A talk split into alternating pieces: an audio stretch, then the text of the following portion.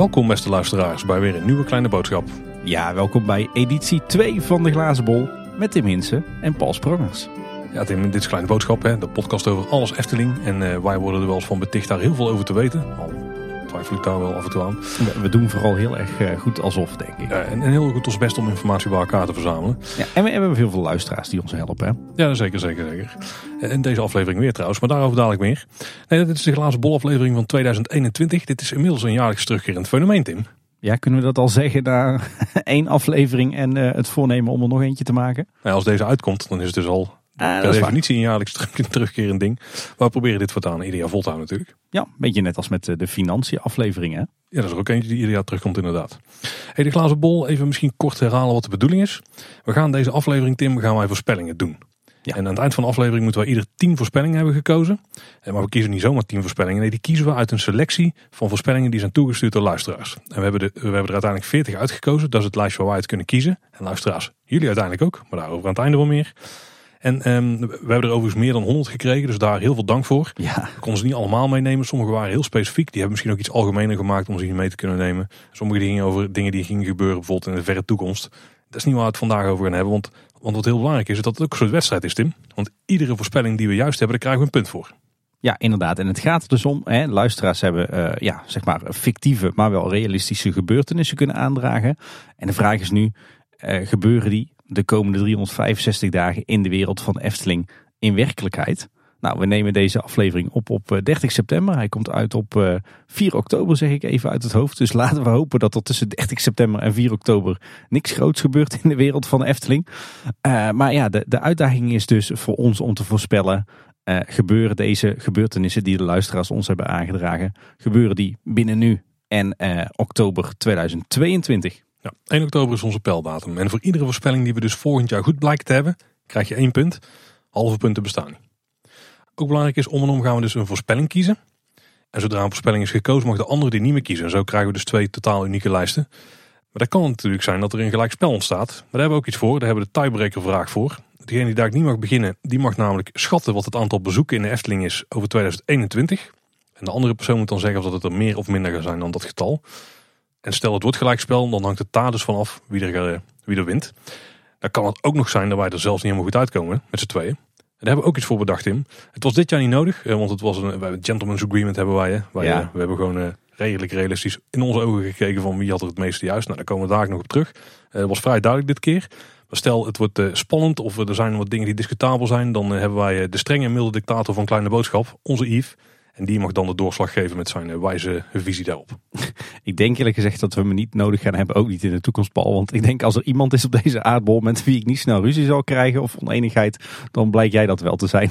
Kan ik toch wel met enige zekerheid zeggen, na vier jaar kleine boodschap maken. Maar goed, het is goed om hem achter de hand te hebben. Ik eh, weet uit de zakenwereld dat het eh, altijd slim is om eh, dat soort dingen gewoon van tevoren vast te leggen. Daar hebben wij deze gedaan. Ja, wij zijn ook zo zakelijk tegenover elkaar, Paul. Zeker, zeker. Hey, misschien wel, want, want onze luisteraars denken misschien nou van, wat is dit voor, voor lollig spelletje? Een beetje flauw misschien. Maar we gaan natuurlijk niet zomaar raden of gokken. Hè. We gaan echt wel ons best doen om te voorspellen wat er het komende jaar in de wereld van de Efteling gebeurt en waarom. En eh, ik moet zeggen, nu ik terugkijk naar onze vorige aflevering, eh, of althans eigenlijk de vorige editie van de Glazen Bol. Dat was aflevering 175. Toen leek het destijds, toen wij die aflevering opnamen, alsof we maar een beetje een, eh, ja, alsof we maar een beetje, een, eh, een beetje zaten te gokken. Maar ik zie nou onze voorspellingen. En we hadden het stiekem toch best wel op een aantal punten aan het rechte eind. Ja, ik denk dat één punt waar we het een beetje mis hadden, is eh, hoe de coronacrisis zich verder ging ontwikkelen. Want een Ja. paar van de zaken die we hadden geschat, die hadden er wel mee te maken. Denk ik dat het iets sneller minder ellende was dan dat het eh, uiteindelijk het geval bleek te zijn. Ehm, maar we hebben er inderdaad best wel een paar goed. En ook een, een paar die misschien van tevoren een beetje farfetched leken. Ja, ja. Maar zullen er eens doorheen lopen wat we vorig jaar hebben gedaan. Ja, dan kunnen we gelijk eh, de puntentelling doen. Hè? Nou, laten we daar dan mee beginnen. In 2020 had ik eh, toch wel drie hele punten gescoord. Eentje, daar twijfelde ik een beetje over, maar daar komen we daar nog van bij. En jij had eh, vijf punten gescoord, Tim. Dus daarmee was jij de winnaar. Hoppa. En we hadden ook nog de tiebreaker vraag, was verder niet relevant. Maar ik gokte dat de Efteling 3,1 miljoen bezoeken ging ontvangen in 2020. Maar er bleken er eh, 2,7 te zijn. Was verder niet relevant, maar je had gezegd dat het er meer dan 3,1 zouden zijn. Dus in dat geval had ik verloren. In dat geval had je verloren, maar dat was niet nodig. Je had eh, ruim gewonnen met twee punten verschil. De dingen die ik eh, goed had geroepen waren dat de Routen een grondige verfbeurt gingen krijgen. Dat de Efteling Polka Marina ging slopen. En dat het huisje van vrouw Holle nog steeds niet opgebouwd zou zijn. En er was eentje, daar hing het even om, want ik wist gewoon niet zeker. Dat was wel een lastige vraag ook om te checken naar de rand. Daar was ik ook niet heel scherp op door het jaar. Maar dat was dat één grote attractie een storing krijgt en minstens vier weken dicht ging. En voor zover wij na konden gaan was er geen enkele grote attractie zo lang dicht tijdens de parkopening. We hebben Twitter nog even erbij getrokken om te checken of dat dit zo was. Hetgeen wat dichtst in de buurt kwam was de Sprookjesboom. Maar dat tel ik dan zelfs niet als grote attractie. Dus nee, die, eh, nee, we hebben inderdaad echt gedefinieerd destijds dat het om een grote attractie zou moeten gaan. Eh, en volgens mij zeiden we in onze vorige nieuwsaflevering nog dat het zo knap was dat eh, dit zomerseizoen dat er geen enkele attractie Ja, al langer dan een paar dagen dicht was. Hey, maar ik twijfel wel over een andere voorspelling van jou, eh, Paul. Want ik zie op jouw lijstje staan dat je had voorspeld dat er een derde Aquanura symfonie zou komen. Nee, maar toen was de Guus Meeuwis Symfonie was al aangekondigd. Hmm. Want dit was, eh, die is in oktober gedraaid, tijdens de herfstvakantie. Dus daar waren wij toen al lang van op. Ja, ja, ja, dat is waar. was wel de reden dat ik toen dacht dat er misschien een zou komen. Omdat ik het vermoeden had of hoopte dat ze er een tegelijkertijd hadden geregeld. Toen ze toch de, ma- de mannen van wet over hadden om alles te programmeren. Maar dat bleek niet zo te zijn. En dan nog de stellingen die jij goed had Tim. Je had goed voorspeld dat er eh, iets gebouwd zou gaan worden op het veldje aan het Max en Moritzplein. Bijvoorbeeld de bakkerij Belhamel hadden we toen gesteld. Maar daar zaten we niet heel veel aan. Nee, inderdaad. Ook zei hij dat het reserveringssysteem niet meer verplicht zou zijn. Dit was er eentje een beetje misschien twijfelachtig, want het is deels nog verplicht. Maar eh, ik heb het geprojecteerd door de abonnementhouders en daarvoor is het niet meer verplicht. Dus het is wel belangrijk hoe we de stellingen ook, eh, hoe scherp we de stellingen zetten. Dus daar moeten we ook wel heel Helder op formuleren. Ja, moeten we goed opletten vandaag. Ook had jij gesteld dat de Efteling nog minimaal 14 dagen dicht zou moeten in verband met corona. Dat is helaas meermaals en ook veel langer dan dat gelukt. Ja. Dat er een speeltuin toegevoegd zou worden aan Ruigrijk. Hele goeie Tim. En dat er ook nog eh, meer vaste laadpalen op het parkeerterrein bij het park zouden komen. Nou, ook eh, die zijn eh, volgens mij verdrievoudigd. Dus dat is zeker gelukt. Ja, en ik zie staan dat ik ook nog had gezegd dat Panorama een restyle zou krijgen. Ja, maar daar hebben we officieel natuurlijk nog niks van gehoord wat het inhoud daarvan gaat zijn. Of dat het restyle is, of dat het alleen maar een aanpassing van het, van het eten is. Dus dat, nee, die kon ik niet goed rekenen. Ik vind het een half puntje, maar vooruit. Nee, half punten doen we niet aan. Nah, shit. We hadden ook de luisteraars gevraagd om mee te doen. En dat kan dit jaar trouwens weer, Tim. Je kunt na het luisteren van deze aflevering zelf naar kleineboodschap.com slash glazenbol gaan. En daar vind je een linkje naar een formulier waar je zelf voorspellingen kunt doen. Dan kun je dus kiezen uit de 40 waar wij ook uit kunnen kiezen. Waarbij jullie natuurlijk het grote voordeel hebben dat jullie uit alle voorspellingen kunnen kiezen. En dat je niemand tegenover je hebt zitten die voorspellingen kan wegkapen. Zoals wij natuurlijk wel hebben. Vorig jaar hebben er eh, redelijk wat mensen aan meegedaan. En ik ben erheen gelopen hoe jullie het hebben gedaan. En er zat wel een enorme duidelijke winnaar tussen, Tim. En dat was eh, Joren Rongen. Ja, we hebben er niks aan eh, vastgehangen qua prijs of zo. Nee. Maar die had van de tien voorspellingen die hij had ingediend, had hij er acht goed. Zo. En die had ook trouwens die voorspelling gedaan, dus dat er een grote attractie voor vier weken dicht zou gaan. Ja, dat was misschien wel gebeurd als het park ook niet zo lang dicht was gegaan, dat terzijde. Uh, en de enige die die eigenlijk niet goed had, was dat er gestart zou worden met de reizenrijk-uitbreiding. Ja, er kwam natuurlijk wat slecht nieuws in de loop van het jaar, wat uiteindelijk nu is opgelost. Maar daar hadden we toen eh, nog geen rekening mee gehouden. Dus acht van de tien had hij goed. Nou, die had een aardig eh, effectieve glazen bol eh, thuis staan, denk ik. Had veel hetzelfde als ons. Een aantal dingen had hij anders. Eh, Het totaallijstje wat hij dus goed had was... er wordt iets gebouwd op het veldje aan het Max en Moritzplein. Nou, dat had je ook hè. Het reserveringssysteem is niet meer verplicht. Deze is mooi. Monsieur Cannibal krijgt een nieuw thema of een flinke restyle. Nou, die had Nou. hij toch eh, vrij goed. Ja. De ruiten krijgen een grondige verfbeurt. De Efteling gaat nog minimaal 14 dagen dicht. Er komen meer vaste laadpalen bij. Efteling sloot Polka Marina en het huisje van vrouw Hol is nog niet opgebouwd. Dus had, voor een groot deel had hij overlap met ons. Eentje had die, eh, die wij eh, niet hadden. Die ook eh, zeker goed was. En dan een tweede die dus niet klopte. Maar wat misschien wel veel bijzonderder was. eh, Joran was ook de enige die exact het aantal bezoeken goed had. 2,7 Wat verdorie. miljoen. Dus had hij ook nog eens. Of had hij gewoon voorkennis? Dat was knap geweest, want het jaar was toen nog niet afgelopen. Dus had het nog niet kunnen weten. Ehm, we hadden ook nog een plek 2 en 3. Eh Nick Bastiaans en Joost Spruit die hadden ieder zeven voorspellingen goed. Alleen Joost zat daar eh, wat dat betreft net iets dichterbij qua aantal bezoeken. Dus die mogen denk ik als nummer 2 zien. En dan Nick als nummer 3. wat ook wel mooi was, is dat eh Jordi Boeien was de enige die had voorspeld dat avonturendolf zou gaan verdwijnen. Dat was ook een van de dingen die we op het lijstje hadden staan. Maar die we zelf niet hadden gekozen. Stop dat we daar zo naast zaten eigenlijk. Ja, dat we daar toen niet hebben gedacht, ja. ja 90% van de luisteraars eh, heeft het helaas beter gedaan eh, dan ik. maar eh, wat ook wel bijzonder was, was dat 80% van eh, de luisteraars het aantal bezoek had overschat. Dat hadden wij ook gedaan, maar de meeste die zaten dus eh, ruim erboven. Sommigen zelfs met enkele tientallen miljoenen. Maar ik vermoed dat ze gewoon een nul te veel in het vakje hadden gezet. dat zal wel dan, ja. En wil je er zelf ook meedoen? Check dan even aan het eind van de aflevering kleineboodschap.com slash glazenbol.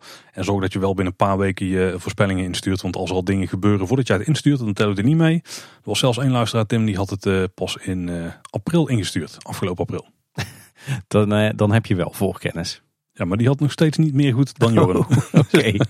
Inclusief het aantal bezoeken. Maar dat was nog niet bekend, denk ik, op dat moment. Ja, Paul. Uh, ik denk uh, genoeg teruggeblikt op uh, editie 1 van de Glazen Bol. laten we beginnen aan de tweede editie. En laten we eens gaan voorspellen wat er gaat gebeuren tussen 1 oktober 2021 en 1 oktober 2022 in de wereld van de Efteling. Ja, en ten opzichte van vorig jaar is er één ding nu anders, Tim. En dat is het een regel die we vorig jaar al stelden dat hij nu ingaat. Degene die vorig jaar heeft verloren, die mag beginnen met het kiezen van stellingen. Vorig jaar eh, ging ik daar eh, wederom finale mist in toen een Siri liet kiezen. Die altijd voor jou gaat om een Ja, precies. Ik heb wat met Apple, zullen we maar zeggen. Nou, die ellende hebben we in ieder geval dit keer. ik, ik gun het jou Paul. Want ik, ik durf bijna met 100% zekerheid te voorspellen welke jij als eerste voor mijn neus weg gaat kapen. Oeh. En dat, dat zal ook voor een deel wishful thinking zijn, denk ik. Nou, daar ga ik een poging wagen. Dan kijken we of dat, dat het uh, geval is. Mijn eerste voorspelling is dat een nieuwe verblijfsaccommodatie wordt aangekondigd aan het Dwarrelplein. Dit gerucht gaat nu al een tijdje rond. Uh, ik eh, denk dat dit ook wel serieus gaat gebeuren komend jaar en om een paar redenen. De eerste reden is dat het een uitbreiding is binnen het park. Ja. Want bijvoorbeeld ten opzichte van Strookrijk, als we daar dingen willen gaan doen, dan duurt het nog zes maanden voordat ze daar echt mee aan de slag kunnen vanwege de milieuvergunningen, zoals we hebben geleerd. En bij dit hotel hoeft dat natuurlijk niet. Nee, want we weten sinds ons interview met, uh, met Wieke en Ivo dat uh, uh, dankzij het in werking treden van het nieuwe bestemmingsplan, dat ze ook verblijfsaccommodatie mogen bouwen in het park. Ja, nou, en daar zou dit dan meteen onder kunnen vallen. Werd inderdaad ook expliciet genoemd. Dus ook dat was wel, denk ik, een soort van hint naartoe. Kijk, en wat het mooie is van een hotel, is dat je daar direct aanwijsbare inkomsten van krijgt. En dat het uh, bij de Efteling, als we een beetje kijken naar de laatste verblijfsprojecten, dat het ook wel het type project is waar ze gewoon geld voor lenen.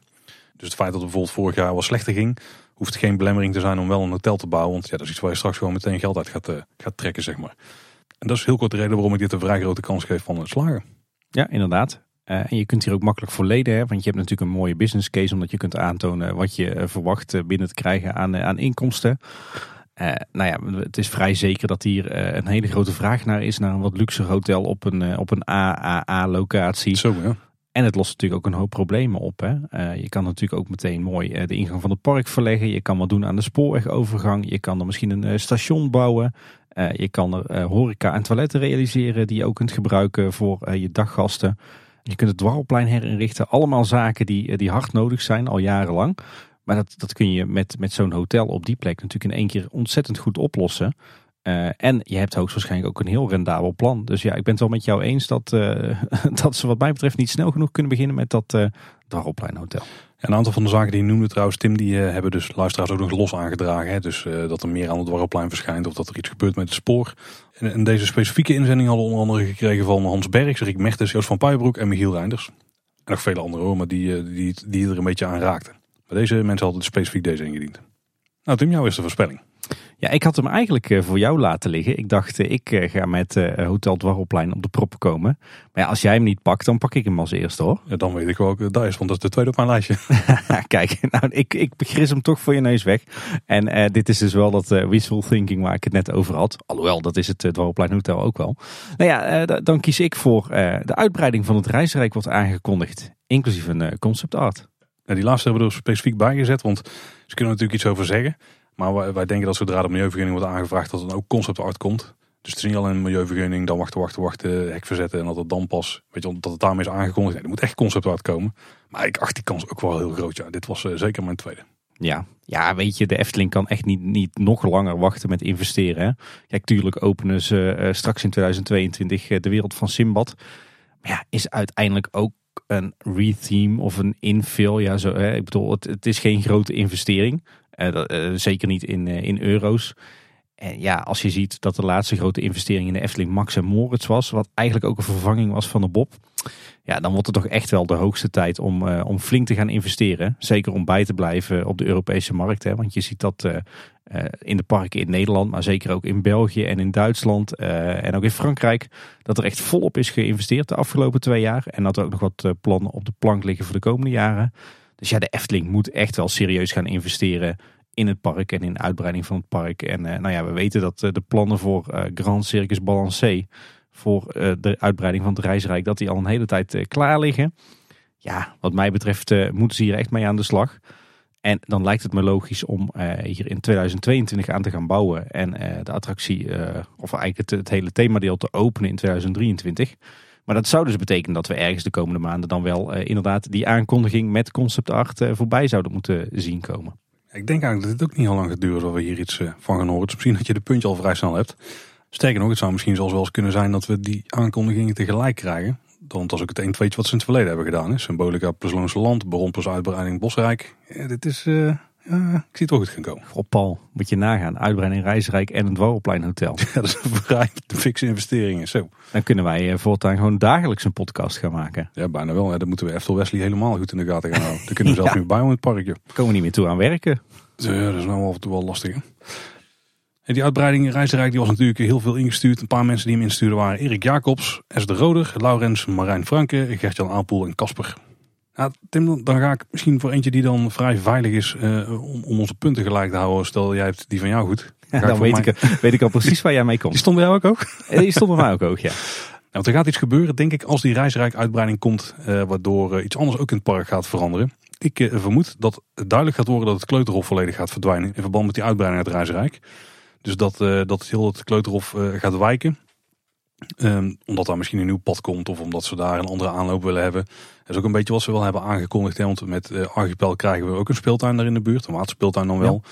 Toen werd ook al een paar keer die aanloop genoemd bij richting het Reizenrijk. Van, van hoe ga je er dan naartoe? Dus de, daar zaten wat mij betreft wel wat hintjes in. Um, maar het moet wel duidelijk zijn dat die gaat verdwijnen. Het is, moet niet zo zijn van er komt een concept art en daar uh, er zat een hoek waardoor we dit niet zien. Het zou daarin wel duidelijk moeten zijn. Of het zou opgeruimd moeten gaan worden. Of het moet verteld worden ergens. Uh, dit punt kan ik niet meer terugwerkende kracht krijgen als we pas na 2022 doorhebben dat dit uh, zo gaat zijn. Maar wat nou Paul, als Kleuterhof verdwijnt, maar er komt op ongeveer eenzelfde locatie een ander soort speeltuin terug? Het gaat er echt om dat die huidige toestellen weggaan. Dat dat stukje Henny Knoet dan ook verdwijnt uit die hoek van het park. Ja, dus als er bij wijze van spreken een uh, speeltuin met circus thema voor in de plaats zou komen, dan heb je toch een punt verdiend. Oh, dat zou ik niet uitsluiten. Nee. Het gaat echt om het huidige kleuterhof. Ja. En vooral de toestellen die erbij horen. Dus als de toestellen ook nog eens opnieuw worden ingezet, dan zou het nog twijfelachtig kunnen zijn. Dan moet ja, die kans is echt klein. Nee, die kans is echt ook klein. Ja, deze stond bij mij ook heel hoog. Want ja, er is inmiddels toch wel, wel vrij helder dat, uh, dat de uitbreiding van het reisrijk niet op zichzelf staat. Hè. Uh, de, uh, de Circus Coaster, Grand Circus Balancé, daarvan weten we dat die waarschijnlijk gebouwd wordt in combinatie met één of meerdere invulattracties en uh, lekker veel horeca. Maar we weten inmiddels ook dat uh, de toekomst van restaurant Panorama, maar ook van het Efteling Hotel en van het, het Kleuterhof, dat het allemaal met elkaar samenhangt. En in ons interview met Sander over de wereld van Simbad ging het natuurlijk ook heel vaak over een totale gebiedsontwikkeling. Dus ja, het ziet er inderdaad wel naar uit dat deze hele hoek van het park helemaal opnieuw wordt, wordt aangevlogen. Dus ja, dan is het, lijkt, leek het mij ook vrij plausibel dat het Kleuterhof ook meteen wordt aangepakt. Zeker aangezien het natuurlijk niet, niet per se een van de mooiste plekjes in het park is. Nou, en ook als je een beetje kijkt naar de staat van het kleuterhof op dit moment, is ook niet helemaal met tip top. En er lijkt ook weinig animo voor te zijn om het op te lossen. Om het, om het weer in, in ere te herstellen, daar? Nou, om nou. in ieder geval weer een nieuwe lik verf te geven of een nieuwe laagkunststof of net hoe dat dan daar ook werkt. Ik, ik denk eerlijk gezegd dat Kleuterhof uh, nooit echt Efteling niveau heeft gehad. Uh, zelfs niet uh, bij de oplevering in 1994. Dat weet ik heel zeker. ja. Nou ja, het, het avonturendolhof is inmiddels natuurlijk al verdwenen, heeft het veld geruimd. En ik denk inderdaad, net als jij, dat, dat het niet heel lang duurt voor hetzelfde gaat gebeuren met het Kleuterhof. Ja. En deze werd aangedragen door Davy Mannenmakers en Jesse. Ben ik benieuwd naar jouw volgende, Tim. Want dit waren degenen die wel echt een duidelijke top 3 waren. Ja, ik heb, mijn vierde die is ook nog wel uh, vrij duidelijk. Dus ben ik heel benieuwd wat jouw volgende gaat worden. Ja, mijn volgende, ja, het is eigenlijk heel saai en heel veilig. Maar ik kies nu uh, ook weer voor een hele veilige, uh, die hier ook weer mee samenhangt met deze plannen. en dat is de voorspelling. De tweede fase van de wereld van Simbad is aangekondigd. Ja. Inclusief nieuwe concept art. Ja, ook die is daar weer essentieel. Want we weten natuurlijk dat er een tweede fase aankomt. Dat is al verteld. Ja. Maar het feit dat we daar concept art van krijgen, daar gaat jou hier een punt uh, geven. Ja, de tweede fase van de wereld van Simbad. We weten natuurlijk dat dat sowieso gaat om uh, ja, een grote renovatie voor het café-restaurant. Wat we momenteel kennen als Panorama. Uh, volgens mij hangt er ook een beetje aan vast de renovatie of eigenlijk de, de herinrichting van de rest van het, het Reizenrijkplein. Waar nu nog niks mee gebeurt in fase 1. Uh, maar ook het, het Carnaval Festivalplein. Dus die fase 2 is best wel groot. Ik geloof ook zelfs nog een stukje Archipel en het pad achter Sirocco en Archipel langs. Dus ik, ja, ik vermoed dat die qua investering en qua omvang minstens net zo groot is als de eerste fase van de wereld van Simbad. Ja, zou zeker kunnen, ja. En ja, ik hoop toch echt en ik verwacht het toch ook wel dat als je de eerste fase aanlegt in dit, dit gebied. Hè, je hebt het over die totale gebiedsontwikkeling. Dat je niet lang kan wachten met die tweede fase. Omdat het ook allemaal aan elkaar vasthangt. Hè. Je wil eigenlijk dat pad achterlangs wil je afmaken. het café-restaurant, volgens mij staat ook al 25 jaar op de nominatie voor een grootschalige renovatie. Nou ja, je wil denk ik niet heel lang daar een reisrijk plein hebben, wat voor de ene helft wel is gerenoveerd en voor de andere helft niet. Dus ik hoop eerlijk gezegd dat de Efteling gas gaat geven, dat ze de eerste fase openen. Uh, en dat als we op dat moment geen, geen heropleving hebben van corona, maar als het gewoon super lekker loopt in de Efteling, dat ze dan heel snel die tweede fase gaan aankondigen. En dat we die bijvoorbeeld begin 2023 kunnen zien. Zeker ook omdat dat de renovatie van het café-restaurant, dus die tweede fase van de Wereld van Simbad, dat hangt ook weer samen met de verdere uitbreiding van het reisrijk. Dus met Grand Circus Balancé. Ja. Dus ja, ik, ik hoop en ik verwacht toch ook wel dat die tweede fase van de wereld van Simbad uh, snel volgt. En in ieder geval dat die is aangekondigd voor uh, oktober 2022.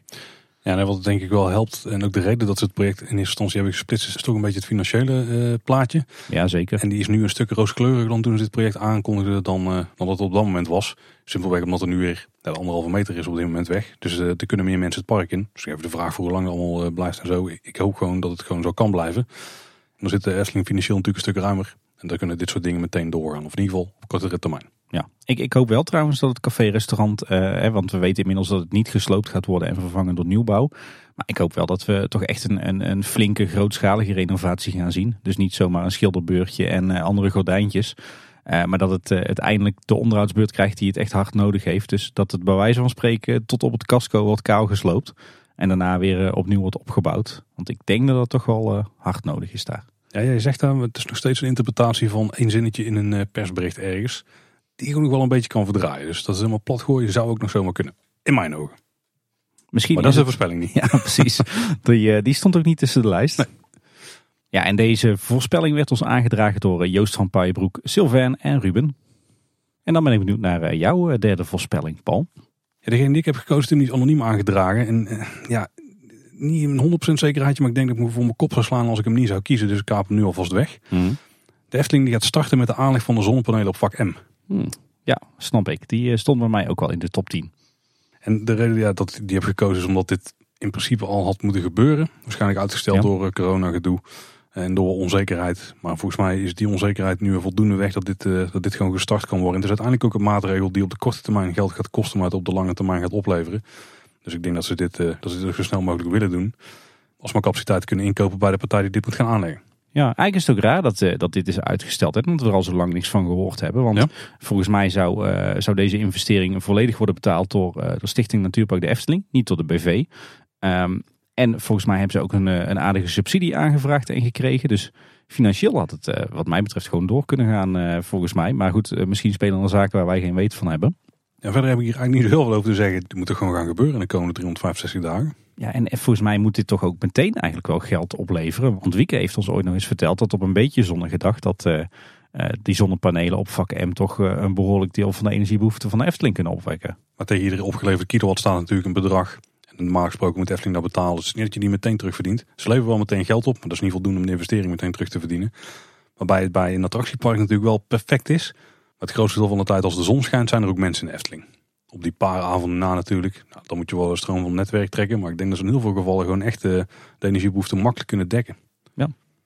Ja, eh, ook hier, we hadden het net al over grote investeringen. Maar ook hier loopt de Efteling langzaam maar zeker wel een klein beetje achter de feiten aan. Hè? Want ik heb ze deze zomer gezien eh, bij Paradise. Ik heb ze gezien bij Walibi Holland. Ik heb ze gezien bij Disneyland Parijs. Een van de weinige projecten die Disneyland sneller heeft aangepakt dan andere parken. de Efteling, ja. Ik ben trouwens wel benieuwd naar het uiterlijke ervan. Nou ja, goed, van die zonnepanelen, daar, eh, daar kan je natuurlijk weinig aan doen. Uh, maar bijvoorbeeld die in Paradise, die zien er prachtig uit. Die, die zijn aangelegd op hele mooie ruwe houten constructies. Ik geloof bij Disneyland Parijs dat, dat het een staalconstructie is ook mooi op kleur. Ik verwacht eerlijk gezegd dat de Efteling ook zal kiezen voor een, een staalconstructie. Dat zal wel relatief gezien het minste kosten. Maar ik hoop toch wel dat ze dan toch wel een klein beetje worden gethematiseerd. Dat het in ieder geval mooi op een, een Eftelingse kleur wordt gepoetst poedercoat. Iets van eh, piekblauw of zo. En het zou toch wel heel vrij zijn als in ieder geval de, de staalconstructie op de kopse kanten. Eh, dat, dat we daar toch ook wel iets van decoratie of thematisering in gaan zien. Uh, denk bijvoorbeeld een beetje in, uh, in de geest van de wachtrij van uh, Symbolica. Dus met ja, wat krulletjes of misschien wat, wat, wat krullen erin uitgesneden of wat, oh, ik dacht, wat opgeplakte klinknagels of zo, of wat, wat schilderwerk. Oh, ik dacht misschien van die krullen die de wagons van de stoomtrein bijvoorbeeld hebben. Van die, hele, van die vrij simpele. Maar het punt is natuurlijk dat het verplaatsbaar moet zijn. Dus metaal is vrij logisch. Ja, kleurtje, dat, dat kan dan verder geen kwaad. Al, al zit er maar op de kopse kant uh, een, een, een, mooie Eftelingse krul opgeschilderd dan. Dat is wel toch het minste waar ik op hoop. ja, wel veel werk hoor, voor al die uh, zonnepanelen die gaan komen. Voor al die metalen stellingen die er komen staan. Nou, we, we, kunnen gaan verder denk ik. Ik denk dat we er allebei wel uh, van denken slash hopen dat het moet gaan gebeuren. Dit was, was mijn derde. Ik ben benieuwd wat jouw derde is. Ja, dan kies ik ervoor een, uh, uh, ja, geen hele spannende, maar wel een veilige denk ik. Ik wil toch een klein beetje punten scoren weer volgend jaar. Het waterbed in Speelbosnest wordt permanent vervangen door iets anders. Door iets anders dan een waterbed is hè? Ja. ja. Ja, goed, gezien de huidige problemen daar met het, het waterbed. Hè. Volgens mij is het één keer gerepareerd en was het twee dagen later weer stuk. Ja, Efteling heeft zelf ook al aangegeven dat ze met de leverancier in overleg zijn om een permanente oplossing. Ik vraag me of ze daaruit gaan komen. Ik verwacht hier toch echt een, eh, een, een andere optie. Iets als een, eh, een trampoline of een zandbak. Of, uh, of natuurlijk de air-trampoline, waar wij, wij, als gezin stiekem op hopen. Uh, en voor hetzelfde geld uh, stort ze het gewoon dicht en dan gaat er gewoon straatwerk overheen. Maar ik, ik verwacht dat het waterbed niet meer terug gaat komen en vervangen wordt door iets anders. En die stelling die was ons aangedragen door de A-formule. Wie kent hem niet? Of haar? Zou ook kunnen. Ik weet eigenlijk niet wat voor staat, de A-formule. Ik denk voor André. Anton Pieck. Oeh, dat zou ook nog kunnen. Ja, dan komen we uit bij uh, voorspelling nummer 4, Paul. Oeh. Nou, dan ga ik er eentje pakken, Tim, waar ik ja, misschien ook niet zo heel zeker van ben. Ik, heb er niet, ik vind niet al zo heel veel dingen zekerheids die jij misschien wel zekerheids vindt. Dus, uh, maar dit, dit is er eentje. Ja, het zou zomaar kunnen gaan gebeuren, ook gezien het afgelopen, de afgelopen anderhalf jaar. En dat het niet de allerleukste tijd bij de Efteling was. Maar ik zie het zomaar wel eens gebeuren, Tim, dat Fons Jurgens gaat aankondigen dat hij gaat vertrekken bij de Efteling als uh, algemeen directeur. Ja, en we, en we horen op de wandelgangen ook wel geruchten daar rondomheen, hè? Ja, en ik weet niet of dat Fons het zou doen. Ik, zou, ik weet ook niet per se of ik het, zou, uh, dat ik het goed zou vinden. Ik denk dat Fons het prima heeft gedaan eigenlijk de afgelopen jaren en ook de afgelopen tijd. Maar ik kan me voorstellen dat het een enorm zware periode voor hem is geweest. En je hebt toch de verantwoordelijkheid voor uh, niet alleen het bedrijf, maar ook gewoon alle medewerkers die daar werken. En ik denk dat het best wel uh, hard erin tikt. Zeker de maatregelen die zij moeten nemen om het bedrijf zo financieel gezond mogelijk te houden. Maar het is wel zo dat als we een beetje kijken naar de tijdspannen waarin uh, de laatste paar directeuren aan het roer hebben gestaan. Dat het wel een beetje het moment is om uh, afscheid te gaan nemen. Ik denk dat hij wel nog graag het lelijke eentje volt had toegevoegd aan het sprookjesbos. Ja. Daar, daar, gaat denk ik niet meer gebeuren. Het is wel een van de opties die we hebben, Tim, over zijn nieuw sprookje. Maar, Wordt dat niet gewoon zijn afscheidscadeau? Ik, ik denk dat hij aankondigt, eh, nog even los van wanneer dat hij het doet, want eh, het is jouw voorspelling. Maar ik denk dat hij aankondigt dat hij gaat. En meteen ook de bouw van het sprookje. Ja, ik denk dat hij dan tegen eerder misschien aankondigt, of misschien zijn opvolger, eh, dat, dan, eh, dat er wordt begonnen aan dus het Dwarrelplein Hotel en Reizenrijk. Ik denk dat ze niet daarnaast ook nog eens een sprookje gaan doen. Nee, dat is een beetje veel in één jaar tijd. Dat is wel heel veel tegelijk. Maar het is een optie, Tim. Je mag hem kiezen dadelijk. Nou ja, ik, ik zou het wel, wel heel jammer vinden hoor, voor de beste man. Want Fons heeft natuurlijk echt een paar topjaren gehad. Hè. Heel snel naar die 5 miljoen toegegroeid. Wat eigenlijk pas eh, veel later een doelstelling was. Zelfs al voller overheen. Eh, de, de toevoeging van een, eh, een baron, symbolica, het Loonse Land. het bestemmingsplan wat er doorheen is gegaan. heeft echt al een aantal topjaren gehad. Ja. En om dan af te sluiten met, met twee jaren van een hoop sappelen en ellende als gevolg van corona. En, en de financiële omstandigheden van het bedrijf het is wel een zure manier van afscheid nemen. Hè? Ja, dat is de reden waarom ik misschien nog twijfel dat hij zal blijven. Om gewoon nog even een mooie periode dan te hebben, zeg maar. Ja. En met, met een paar leuke dingen. De bezoekerscijfers die weer gaan stijgen. Nou, je hebt het bestemmingsplan is nou rond. Ook wel een, een, vrij grote mijlpaal geweest tijdens zijn periode. Als je dan kunt afscheid nemen met een hotel. En waarschijnlijk heel spectaculair hotel. Als we het allemaal mogen geloven wat er rond gaat. Zou ook kunnen. Maar het kan ook zijn dat voor ons denkt van dit is misschien ook het moment om, uh, nou, om het stokje over te dragen. Ja, er zijn inderdaad twee, twee gedachten. Zij kan zeggen van, joh, we hebben een hele vervelende periode achter de rug. Ik heb jullie er eh, als bedrijf doorheen geholpen en nu is het aan mijn opvolger om eh, iets moois op te bouwen. Uh, als ik zelf in de schoenen van Fons zou staan, had ik gedacht, nou weet je wat, ik, ik wil weer gauw terug naar die 5 miljoen bezoeken en ik wil het park uitbreiden en Grand Circus Balancé openen en dan draag ik daarna dat stokje wel over. Maar inderdaad, we horen ja, best wel wat uh, geruchten op de wandelgangen dat uh, fonds zou gaan en uh, wellicht opgevolgd zou worden door Koen Sanders, de huidige directeur commercie, creatie en ontwikkeling en hotels en resorts. Dat is meer de analyse die wij er zelf op los hebben gelaten. Ik ben, ik ben benieuwd wat er dan gaat gebeuren, maar dit is in ieder geval waar ik nu mijn, mijn geld op inzet. Nou, dat niet, maar wel mijn punt. En deze is aangedragen door Gert-Jan, door Tim en door Frank. En Tim is in deze niet jou, degene die tegenover jou zit. Nee, je hebt deze niet aangedragen. We hebben zelf geen enkele stelling aangedragen trouwens. Zo gebeurt het ook. De anoniemen die zijn niet van ons. Tim, jouw nummer 4. Ja, mijn nummer 4. Dan ga ik voor een combinatie van nuchtere kansberekening, geruchten en wishful thinking. Oeh. En dan kom ik toch tot een, tot een uh, wat, wat grotere voorspelling. En dat is, er komt weer een nieuw zomeravondprogramma met veel entertainment. Ja. Nou ja, moet ik hem nog uitleggen? wishful thinking. Nou ja, ik heb al vaker gezegd, ik heb de afgelopen twee jaar het Negen Festijn, de Zeven Zomer, de zomeravonden enorm gemist. Vooral al die podia met, met entertainment en acts en optredens. Ja, ik hoop echt dat we volgend jaar, dus in 2022 eh, in de zomer op de vrijdag en in ieder geval de zaterdagavond echt weer eh, iets in de geest van het Negenpleinenfestijn gaan zien. Zou natuurlijk helemaal mooi zijn als er eh, een heel ander concept wordt uitgerold. Zou het ook niet erg vinden om weer terug te keren naar het Negenpleinenfestijn, want dat was stiekem toch heel goed. maar we hoorden ook wel wat geruchten over een, ja, soort festivalachtig terrein op de speelweide. Misschien wat meer gericht op, op kleine kinderen. ben ik niet per se voorstander van op basis van dat, dat gerucht. Maar goed, alles is beter dan niets natuurlijk. Maar ja, eh, even los van het wishful thinking en de geruchten. Het zou toch ook wel logisch zijn uh, als we in 2022 uh, geen corona meer hebben in de wereld. En de Efteling kan gaan knallen en moet de financiële achterstand inhalen. dat ze er dan voor kiezen om toch in de zomer weer wat, wat te gaan organiseren. Waarmee ze flink veel bezoekers naar binnen kunnen halen. En ook een stevige horeca omzet kunnen draaien. Dus daarom verwacht en hoop ik dat we in 2022 wel weer een, een zomeravondprogramma gaan hebben. Nou, ik hoop vooral dat jij je gelijk hebt, Tim. Want uh, ik denk dat we er wel klaar voor zijn. Hè? De entertainment manager is een paar jaar geleden weggegaan bij de Efteling. Nou, het jaar daarna toen is er, uh, heeft eigenlijk niemand de kans gekregen om er iets nieuws van te maken. Want dat was natuurlijk corona-ellende jaar 1, 2020. Nou, afgelopen jaar is er in de zomer een zeer sumier entertainmentprogramma geweest. Gewoon het, wat we eigenlijk al kenden. Met dan wel weer de dubbele bezetting op de Jokie en Jet en Sprookjesboomshows.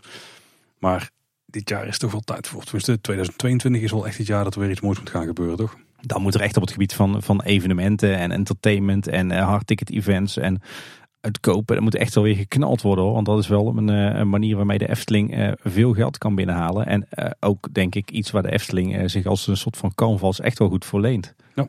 Kom maar op met die, die podia en die optredens. En ik zie het al helemaal voor me. Iets met klassieke muziek of met jazz of met metal. Of, ah, lijkt me ook heel vet.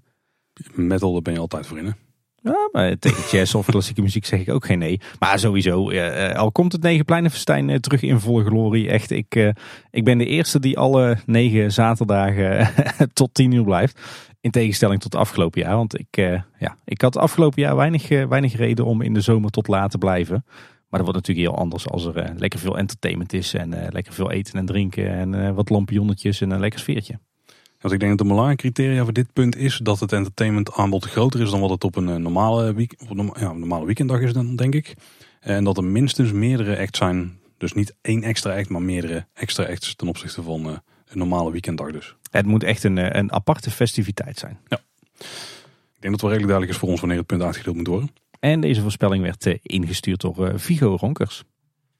Hey Paul, je had tot, nu toe uh, alleen maar voorspellingen gedaan uh, die ook in mijn top 10 uh, eh, staan. Ik ben benieuwd of jouw vijfde voorspelling, of dat daar ook voor geldt. Het zou zomaar eens kunnen. En mijn volgende voorspelling 10 was ingestuurd door Amber. En die voorspelt dat er een tentoonstelling komt in het Efteling Museum over 70 jaar Efteling. Ja, die stond bij dat ook in het ook toplijstje. Ja, ja, ja, ja, ja. ja, de reden dat ik dit denk is dat ja, het 70-jarige jubileum is in 2022. Lijkt een vrij karig jaar te gaan worden qua nieuwigheden. En een vrij simpele manier om dit te vieren is dan uh, toch bijvoorbeeld een nieuwe tentoonstelling in het Efteling Museum.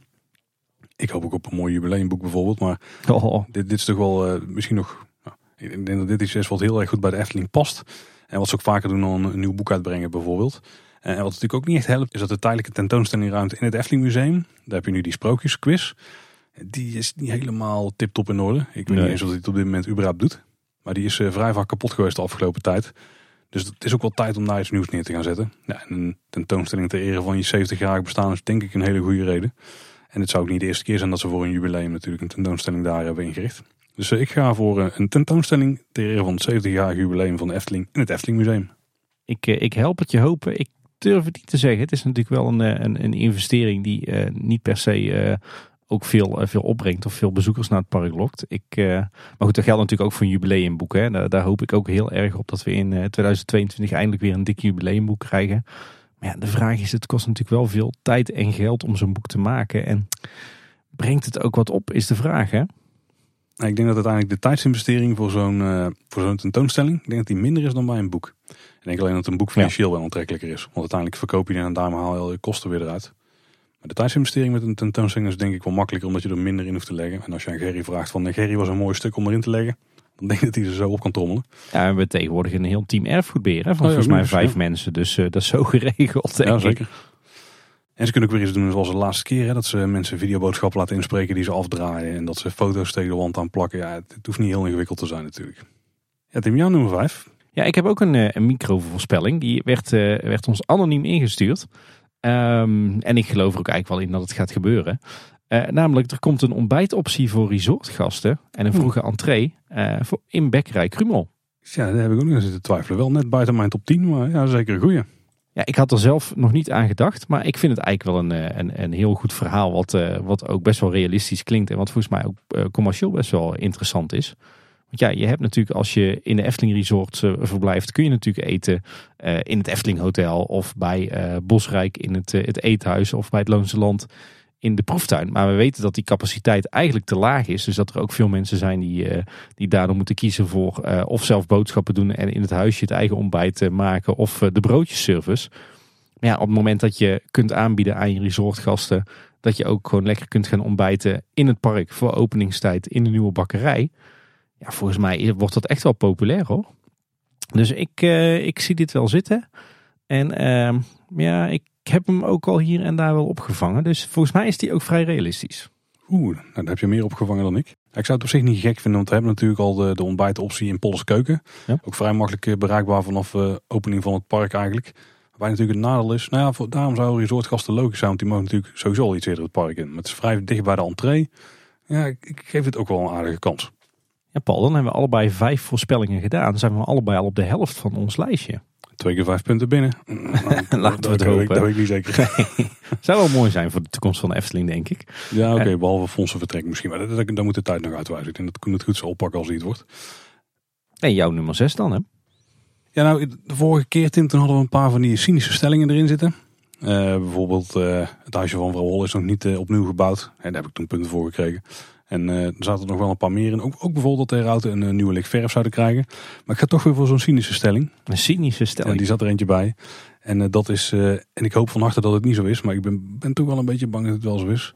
Dat het paddenstoelenparcours nog steeds niet aangepast is. Ook niet dat hij is weggehaald, want hij daar gewoon nog steeds groen staat te worden. Hmm. Ik, ik vind hem ook redelijk realistisch, ben ik bang. Het zou wel fijn zijn als, als dat wel wordt opgepakt het komende jaar. Maar hmm, ik ben bang dat ze toch net iets andere prioriteiten hebben. Deze voorspelling was ingestuurd door Hans Bergs, dus die is het daar misschien ook wel mee eens. Ja, nou, nou, ik hoop het niet, maar ik denk dat de prioriteiten anders liggen. Eh, en dat, dat dit iets is wat we dan wel zien aangepast worden in 2023. Misschien eind 2022, maar ik denk niet in de komende 365 dagen. Misschien een mooi naseizoenprojectje voor uh, herfst slash winter 2022. Ja. Ja, dan ga ik een voorspelling doen die, uh, die mooi daarbij past maar die van een andere orde is. Ah, ja, die gaat mij eh, heel erg aan het hart. ja, dan weet ik precies wat het is. Dit is de inverse van mijn stelling ongeveer. Ja, precies. uh, en eh, zeker wishful thinking. Dan ga ik voor de voorspelling: het huisje van vrouw Holle wordt eindelijk herbouwd. Ja, ja stond bij mij ook nog wel hoog. Ja, ja, ja, ik geef het toch aardige kans. Ja. Als ze iets in het Sprookjesbos gaan doen, dan denk ik dat dit het zou kunnen zijn. En ik weet dat er wat discussie is binnen de fanzine. Maar wat mij betreft moet dit huisje uh, terugkomen. Niet alleen vanwege de, de symbolische waarde als een van de oudste gebouwtjes uh, in het park. Hè. Uh, het komt natuurlijk ook terug op heel veel piektekeningen. Maar gewoon überhaupt al het, het, het gevoel, het aanzicht van het, het, het pleintje bij de put. Maar ook vanuit het Dwarrelplein. Het, het is nu zo'n wond midden in dat, dat prachtige stukje Sprookjesbos dat huisje moet hier gewoon terug. En, en meteen ook uh, ja, toch wel de, de toffe toevoeging aan het sprookje van vrouw Holle... die we een aantal jaar geleden daar hebben gekregen. Die moet ook terug. Um, en ja, ter voorbereiding op deze uh, voorspelling heb ik van de week ben ik toch eens door het Sprookjesbos gaan lopen. Ook omdat mijn uh, jongste dochter dat, uh, daar zin in had. Uiteindelijk hebben we, hebben we drie uur gedaan over een rondje Sprookjesbos. Netjes, netjes. En ja, toen ben ik toch eens gaan analyseren van wat is er nou het afgelopen jaar aan onderhoud gebeurd en wat moet er nou nog gebeuren. En ondanks dat de Efteling heeft gezegd dat ze vanwege het corona, de coronacrisis ehm, het onderhoud op een laag pitje hebben gezet, hebben ze toch het afgelopen jaar best wel veel gedaan in het Sprookjesbos. Hè? kijk naar een schilderbeurt voor de vis bij Pinocchio. Denk aan de schilderbeurt voor Kleine Boodschap. de herauten die zijn opgeknapt. natuurlijk het, het groot onderhoud aan het plein bij de Indische waterlelies. zeker die laatste is volgens mij best een, een prijzig onderhoudsprojectje. Ja. Dan hebben ze toch in een slecht coronajaar best wel wat aan onderhoud gedaan in het Sprookjesbos. Was ook allemaal hard nodig, maar ze hebben het wel gedaan. Ondanks dat ze hebben gezegd, we focussen ons op uh, onderhoud wat uh, gerelateerd is aan veiligheid en technisch functioneren. En dan verwacht ik dat, dat ze die lijn toch wel gaan doortrekken in 2022. En er is natuurlijk nog wel wat te doen in het Sprookjesbos. Ik heb even gekeken wat er, wat er wat mij betreft nog wat aandacht behoeft. Nou, volgens mij gaan we ergens de komende tijd nog een uh, flinke renovatie, restauratie zien rond het uh, kasteel van Doornroosje. Dus er erg slecht aan toe. Zie daar heel veel scheurvorming en uh, volgens mij hele stukken van het kasteel die van de berg aan het afschuiven zijn. Dus het zou me niks verbazen als we daar nog flink wat werkzaamheden gaan zien. We hebben natuurlijk het paddenstoelenparcours. Um, nou, wat kleinere dingetjes. Ik denk dat de Zeemermin wel een keer een likje verf mag krijgen. En dan kunnen ze gelijk ook uh, die steen onder de hand fixen. Misschien een keer een uh, nieuw rieten dak voor de zeven geitjes. Een schilderbeurtje voor het huisje van Hans en Grietje. Um, maar ja, wat toch de grootste klus is, uh, is inderdaad die herbouw van het huisje van vrouw Holle. en ja, als ik dan zo kijk wat er nodig is in het Sprookjesbos, dan vind ik het heel reëel dat we in 2022 uh, dat huisje herbouwd gaan zien worden. In combinatie met misschien een grote onderhoudsbeurt voor uh, het kasteel van Doornroosje. En nog wat schilderwerk en uh, van die soort kleine klusjes. Dus ja, daarom zowel wishful thinking als realistisch geredeneerd. Zou het mij niks verbazen als het, het huisje van vrouw Holle toch wordt teruggebouwd. Ja, volgens mij is dat ook een beperkte investering hoor. Zeker als je dat met, met de moderne bouwmethodes doet ja, dan, dan, dan hoeft dat helemaal niet spannend te zijn. Ze hebben natuurlijk uh, de animatronic en de hele techniek, uh, die hebben ze kunnen sparen. Dus dat zet je gewoon terug. Dus eigenlijk maar een heel simpel bouwkundig, bouwkundig klusje. Dus ik zie het wel zitten. In 2022 komt het, het huisje van Vrouw Holle terug. Nou, je bent niet de enige Tim, want deze is ingestuurd door onder andere Vigo, Amber, Parks en Whites TV. Geen idee wie dat is. En Jannes. We zijn al bij nummer 7 aangekomen. Nou, ik begin nou toch wel een beetje in de twijfelaars te komen. Misschien dat ik er paar omhoog halen. Nou, die vraag ik nog even. Hoe Tim, dit is toch, toch, toch moeilijk. Ik zie die radertjes draaien bij jou, eh, Paul, in je bovenkamer. Hmm. Nou, dan, dan ga ik voor deze, Tim. Ook een beetje gebaseerd op informatie uit het verleden. Hij is aangedragen door uh, Carlo van de Vijf Zintuigen. Die kennen we wel van de pubquiz onder andere. Die geeft altijd veel merchandise voorspelling aan ons. ja. Maar er zat er ook eentje bij die, um, die iets te maken heeft, zoals ik net al zei, met iets wat in het verleden is aangekondigd, maar nog niet is verschenen in de Efteling, Tim. De Efteling die introduceert in het park naar vulbare drinkbekers. Ah, die stonden mij ook hoog. En ik denk dat dat wel eens te maken zou kunnen hebben met die Coca-Cola automaten die al aangekondigd waren, maar die we nog steeds niet hebben zien verschijnen.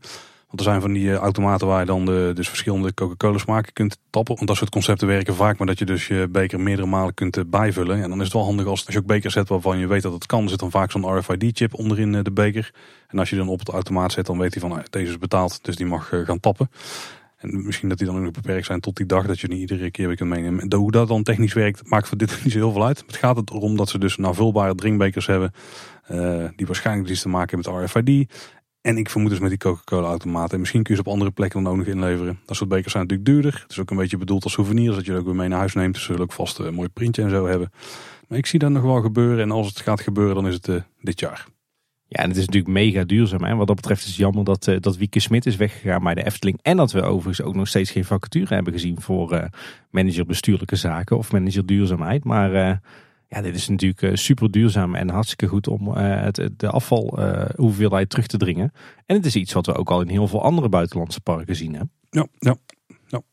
Ja, duurzaamheidsaspecten, daar spreekt Efteling ook voor staan, denk ik. Ja. ja. Het gezondheidsaspect misschien niet minder. Maar...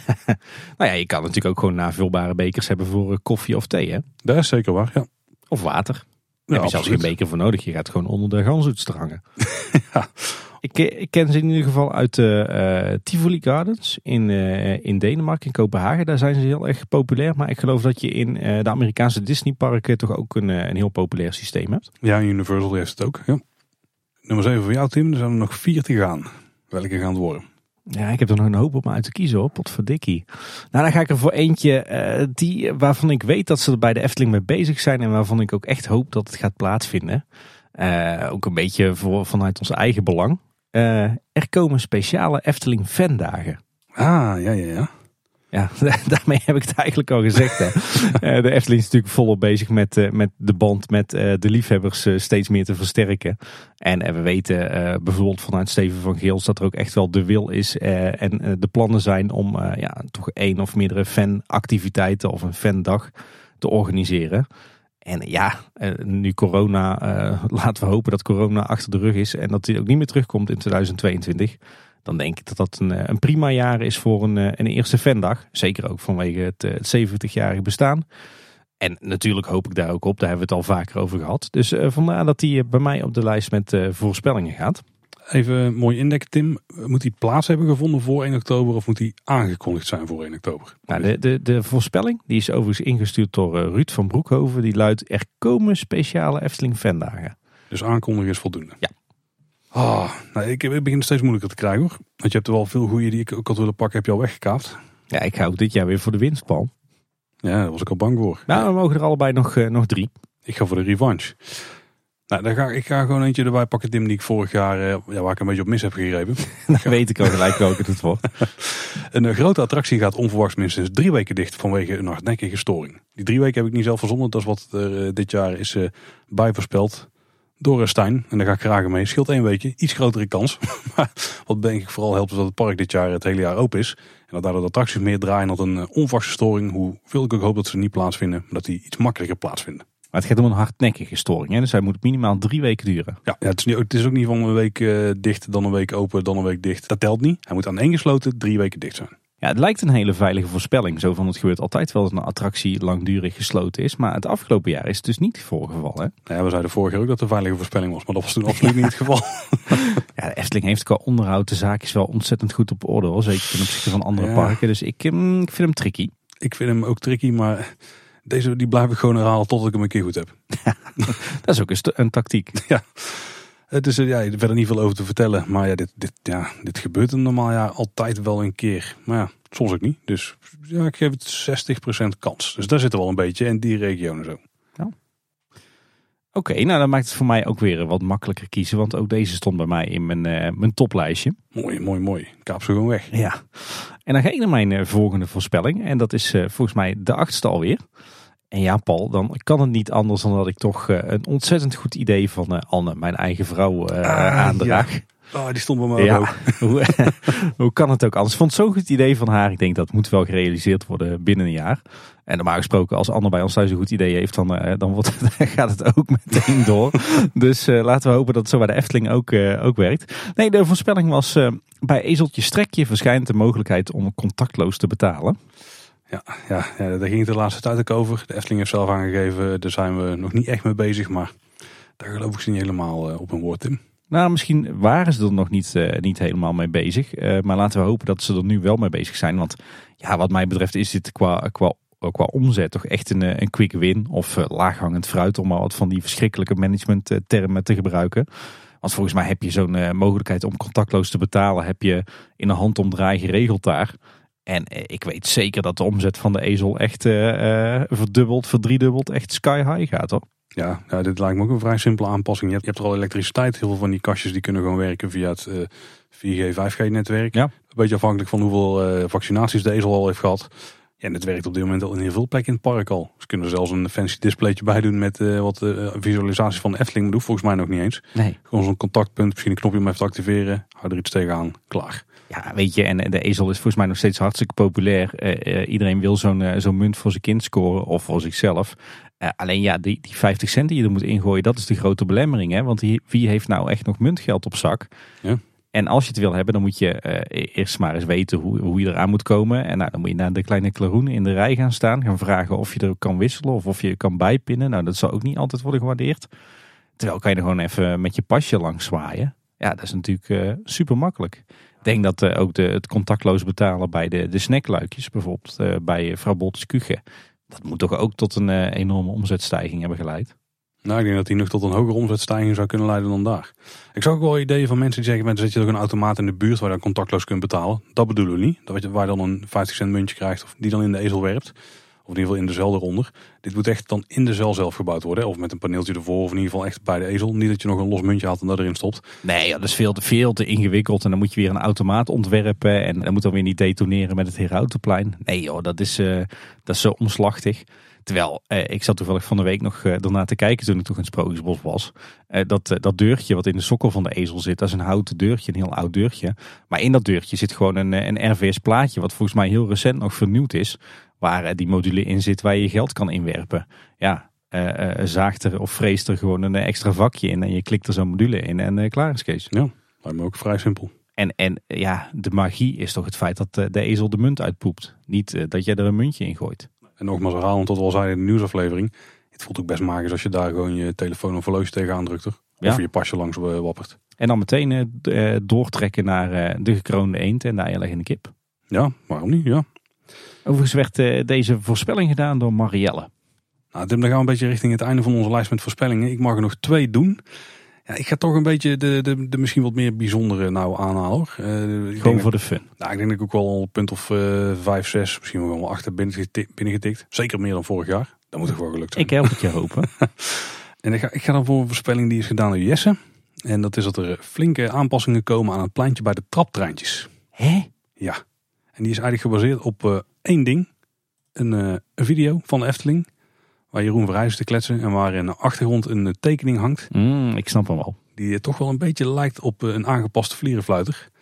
Dus ik vermoed dat dat het aanzetje is om daar aan het pleintje te gaan veranderen. En wat ook nog zou kunnen is dat als het reisrijk, uh, de uitbreiding als die gaat komen, dat er misschien ook wel een pad vanaf die hoek richting die uitbreiding gaat lopen. Nou, nou is dat misschien niet per se de aanleiding van de wijziging. Maar ik denk dat er iets aan de vlierenfluiter gaat gebeuren. En best grondig. Dus niet alleen een schilderbeurtje en misschien een extra ornamentje. Maar echt wel uh, ja, een nieuw thema eraan, zeg maar.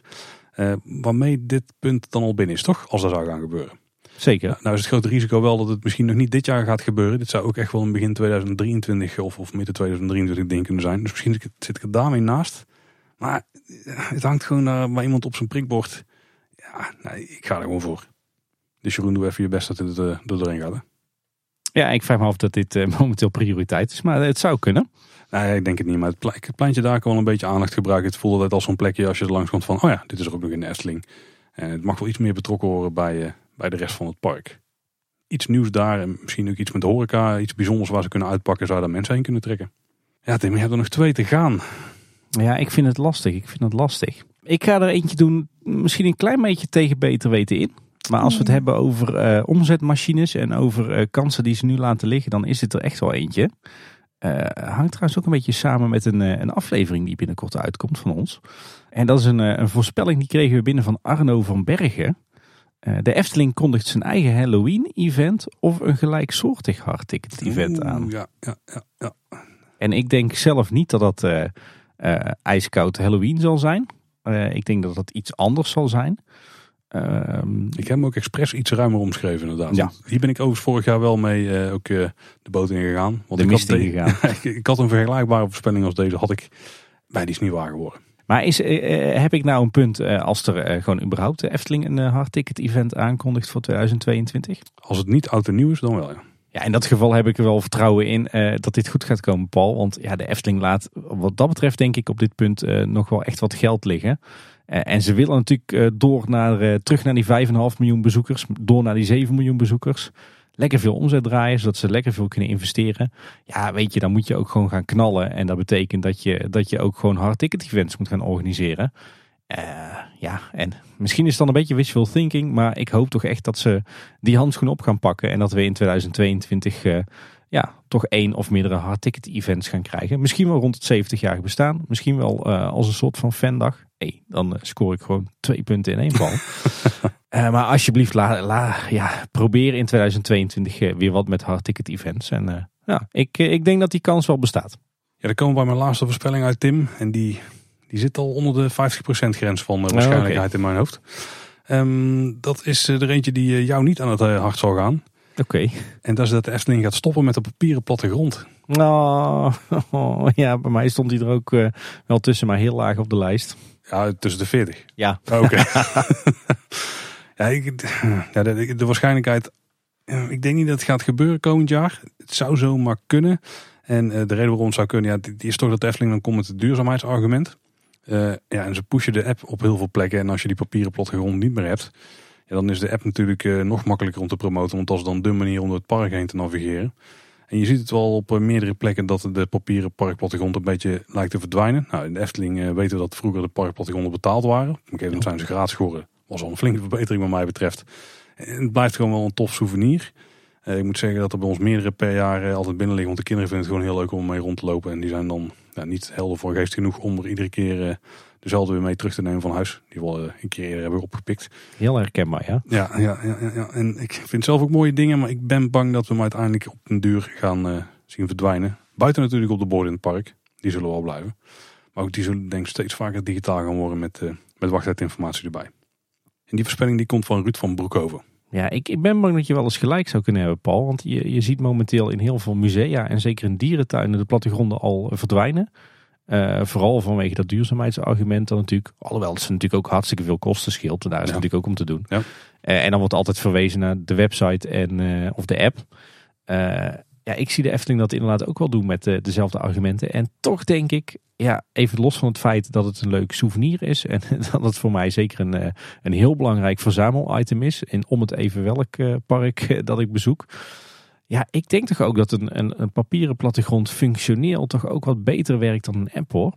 Nou ja, de, een van de pro's die ik voor deze wou noemen is dat de Efteling app gewoon heel goed is. Zeker vergeleken met uh, nou, eigenlijk bijna alle andere pretparken waar ik rondkom. Zeker. Zeker. Uh, daar is die, de Efteling app is gewoon echt heel goed. En, um, kijk, en dit gaat op den duur sowieso gebeuren. Maar het punt is vooral gaat het in de komende 365 dagen gebeuren. Ja. En vooral daardoor schroef ik de kans een beetje naar beneden. Ik vind hem, ja, ik vind hem, ik vind hem tricky. Ik uh, moet zeggen, dat ging, het ging me overigens niet zozeer om het functioneren van Apple. Maar ik meen dat heel veel mensen er toch moeite uh, mee hebben om uh, overzicht te hebben in de app. Omdat je natuurlijk, ja, als je uitzoomt op de plattegrond, dan zit je op je telefoonschermpje naar een hele kleine plattegrond te staren. Terwijl sla je de papieren plattegrond open, ja, dan heb je toch in één keer een, een helder overzicht. Ja, kijk, we hadden ook wel voorspellingen gehad dat er misschien navigatiemogelijkheden in de app komen. Die hebben uiteindelijk de lijst niet gehaald. Maar er zou ook nog best kunnen dat dat soort dingen ook een doorslaggevende reden kunnen zijn voor het park om te zeggen. Nee, we gaan er toch mee stoppen. Want dan is hij in één keer meer functioneel dan een parkplattegrond. Dan een papieren plattegrond. Want je ziet wel waar je bent. Wat een grote prijs van de app. Papieren plattegrond heeft natuurlijk ook commerciële waarde. Hè? Want achterop ja. staat het natuurlijk vol met uh, aanprijzingen van horeca, souvenirs, evenementen, uh, abonnementen. Dat is zeker waar. Maar daar gaat dan weer die, uh, die functie die ze volgens mij ook al hebben ge, aangekondigd. Dat ze uh, mee gaan denken over je dagindeling. En dat ze dan waarschijnlijk ook eetsuggesties gaan geven. En dat is het zaak om je naar de, waarschijnlijk de, de goede omzetplekken te sturen. Ja. Ja. Dus, dus, er zijn allerlei radartjes draaien om alle punten die de parkplattegrond nog steeds beter doet dan de app, om die uh, nou, eigenlijk ook naar de app te brengen. Plus nog veel meer. Dus ik denk dat de app dadelijk, ja, dat, dat het promoten van de app, duurzaamheidsaspect, maar ook zeker het geld wat ze ermee uh, niet uit hoeven geven, dat daar doorslaggevende factoren zijn om het te doen.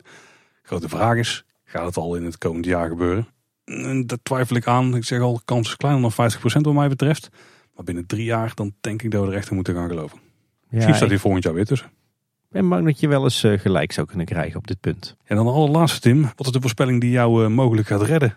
In mijn ja. toch wel uh, sterke voorspeloverzicht, al zeggen zelf. Wat een zelfvertrouwen, Paul. ja, ik zit even te twijfelen tussen twee easy scores op souvenirgebied. En ik heb er ook nog eentje iets meer gewaagder, maar dat is ook wel een terugkerend punt. Wat zal ik doen, Paul? Jij mag me sturen. Dan zou ik voor iets met muziek gaan, denk ik. Of stond ja. hij er niet eens tussen? Ja, die stond er wel tussen, ja. of ja. ga je toch veranderen? Of is die gewaagd?